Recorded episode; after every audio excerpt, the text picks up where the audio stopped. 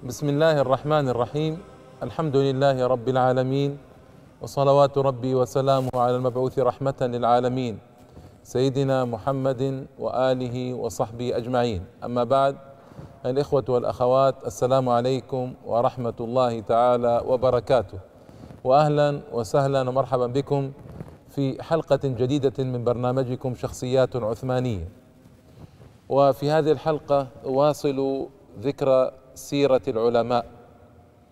فالعلماء أيها الإخوة والأخوات هم ورثة الأنبياء وهم الذين إن عملوا بعلمهم كان لهم منزلة عالية في الدنيا والآخرة وكانوا درعا يصد عن الأمة الإسلامية هجمات الأعداء وكانوا هم المقدمين الذين يلتجئ إليهم الناس ويحتكم إليهم الناس ويتكئ عليهم الناس. فالقضية أيها الإخوة والأخوات قضية مهمة ومهمة جدا قضية العلماء هذه.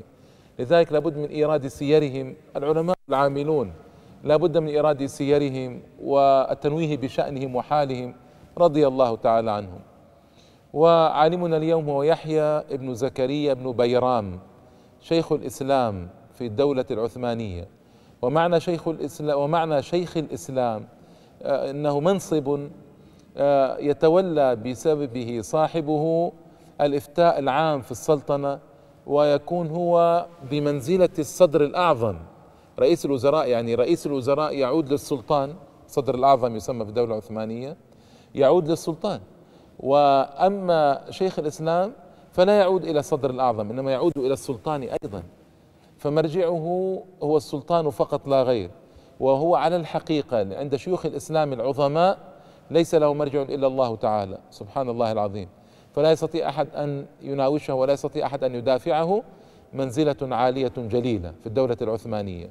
وكان لهم عز ومنعة وعظمة ليست لأكثر علماء اليوم للأسف الشديد الذين أصبحوا أمثال الموظفين يقدمون ويؤخرون كما يشاء الحاكم أو السلطان.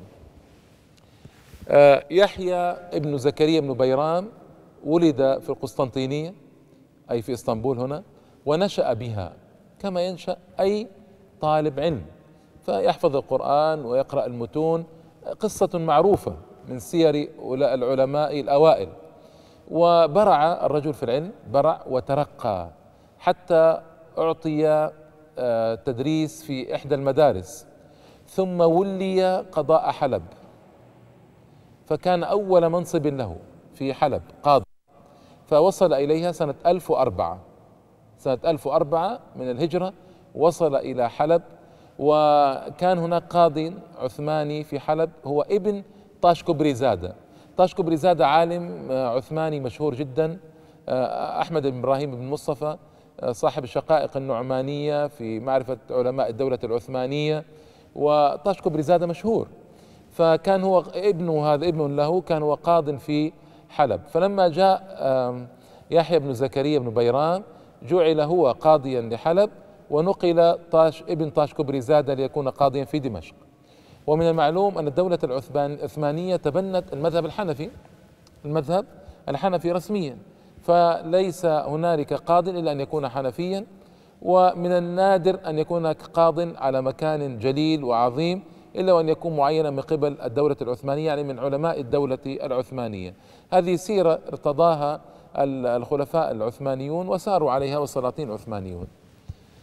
هنا أيها الإخوة والأخوات آه، عزل بعد ذلك عن قضاء حلب وأراد أن يتوجه إلى الدولة العثمانية من جديد وأن يمر على معرة النعمان ثم ينطلق إلى القسطنطينية كان عليه دين وهو آه، قاض لم يتمه أو لم يسدده بعد فاهتم لذلك.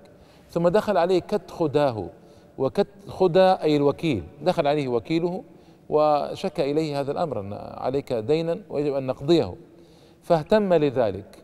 ثم ما إن استتم كلامه الوكيل إلا ودخل داخل من قبل الديوان السلطاني ينبئه بالمسير إلى مصر فقد عين عليها قاضيا في مصر. فسر بذلك آه، يحيى بن زكريا وتوجه إلى مصر. طبعا من أجل أن يكون أن لا يفارق منصب القضاء في الدول العربية ومن أجل أن يسدد دينه أيضا. فسر بذلك رحمة الله تعالى عليه. ثم عاد بعد ذلك إلى القسطنطينية. عزل من مصر وعاد القسطنطينية. ما كان السلاطين يبقون القضاة طويلا بل كانوا يجعلونهم آه، في مدن مختلفة لأماكن قصيرة. فيمكث القاضي مثلا في دمشق سنتين وفي حلب سنتين وربما في القاهرة سنتين وربما في الحجاز سنتين هكذا يدور ثم يعود مرة أخرى إلى القسطنطينية فيدور في مناصب القضاء فيها. وهذه آه، سنة سنها السلاطين العثمانيون ربما أقول من عندي ربما آه، ليكون مثل سنتهم في الولاة فإن سنتهم في الولاة ألا يتأخروا. فالوالي يقيم سنة ربما أكثر قليلا أقل قليلا حتى لا يستقل الوالي بولايته. وكذلك هنا لأن القاضي آه، حتى لا آه، تزيد أو تطول مدته في البلد فإذا كان فاسدا يعيث فيها الفساد. وإذا كان غير ذلك ربما آه، تدرج الأمر به بطول بقائه إلى أن يكون فاسدا. المهم لهم خطة في ذلك ألا يجعلوا القاضي يقيم مدة طويلة. توجه بعد أن عزل عن مصر توجه إلى الدولة العثمانية تنقل في مناصب القضاء فيها. ما أجد نفسي هنا محتاج ذكر مناصب القضاء التي تولاها. تنقل في مناصب القضاء رحمه الله تعالى فذهب إلى الروميلي وقضاء الروميلي والروميلي هو البلاد الأوروبية البلاد العثمانية في أوروبا ليكون قاضيا فيها وقاضيها هنا وقاضي هنالك إلى أن جاء إلى إسطنبول وصار مفتيا للسلطان مصطفى رحمة الله تعالى عليهما. سلطان مصطفى صار مفتيا له وكان هذا في سنة 1034 1034 صار مفتيا للسلطان مصطفى. هنا جرت مشكلة جرت مشكلة للسلطان مصطفى وعزل عن السلطنة. عزل عن السلطنة وكاد يقتل هذا يحيى بن زكريا بن بيرام. لكن الله تعالى نجاه فقال له سلطان مصطفى سلطانك ليس سلطانا الآن فهو معزول وأنت قد عزلت أيضا فاشتغل لنا بالدعاء فإن عدنا إلى السلطنة عدت أنت إلى الإفتاء. وفعلا آه، عاد السلطان مصطفى عزل سنة 1041 وعاد سنة 1043 إلى السلطنة من جديد. فأتى بشيخ الإسلام يحيى بن زكريا بن بيرام وعينه مفتيا من جديد ليبقى عشر سنوات في حرمة وافرة وإقبال عظيم حتى مات رحمة الله تعالى عليه سنة ثلاث وخمسين وألف من هجرة من له الشرف صلى الله تعالى عليه وسلم. حادثة أحب أن أعرج عليها في حياة آه، شيخ الإسلام يحيى بن زكريا بن بيران. كان في زمن السلطان أحمد رحمة الله عليه الصدر الأعظم هو درويش باشا. درويش باشا كان صدرا أعظم وصدر أعظم يعني رئيس الوزراء هكذا يسمونه الصدر الصدر الأعظم. درويش باشا كان هو الصدر الأعظم. فكان يوما في الديوان آه، هو وشيخ الإسلام يحيى ابن زكريا بن بيران. فدرويش باشا أتوا له برجل فأمر بقتله. فقال له شيخ الإسلام لأي شيء تقتله؟ لما ما الذي استوجبه حتى تقتله؟ قال أنت ليس هذا من عملك. يعني لا تتدخل في هذا ليس هذا من شغلك ليس هذا من عملك. فقام من مكانه الشيخ الإسلام يحيى بن زكريا بيران قام من مكانه وغادر المكان وترك قضاء العسكر. فهو كان قاضيا عينه السلطان أحمد آنذاك قاضيا العسكر. قلت لكم تنقل في مناصب القضاء. ومعنى قاضي العسكر قاضي العسكر هي وظيفة هي وظيفة قضائية. يكون بموجبها هذا القاضي مسؤولا عن القضاة المدنيين القضاة المدنيين وهي وظيفة رفيعة جدا في الدولة العثمانية. قاضي العسكر هذه وظيفة رائعة وكبيرة جدا. فترك قضاء العسكر ومشى. فاستفهم السلطان أحمد كيف ترك هذا قضاء العسكر فأرسل له قال أنت وليتني قضاء العسكر ليحل العدل في شعبك ويتحاكم الناس إلى القضاء. وإن درويش باشا أمر بقتل رجل لا يحل قتله من جهة الشرع. لا يحل قتله من جهة الشرع. فلم يعد لي سبب للاتصاف إذن بهذه الصفة أي بصفة قاضي العسكر. ليس هناك داعي. فأمر السلطان بأن يعود وقتل درويش باشا رئيس الوزراء الصدر الأعظم في اليوم نفسه. وعاد يحيى بن زكريا مفتيا أو قاضيا للعسكر. أرأيتم يا الإخوة والأخوات؟ يعني هذه حادثة أنا شخصيا ما سمعت بمثلها من قبل.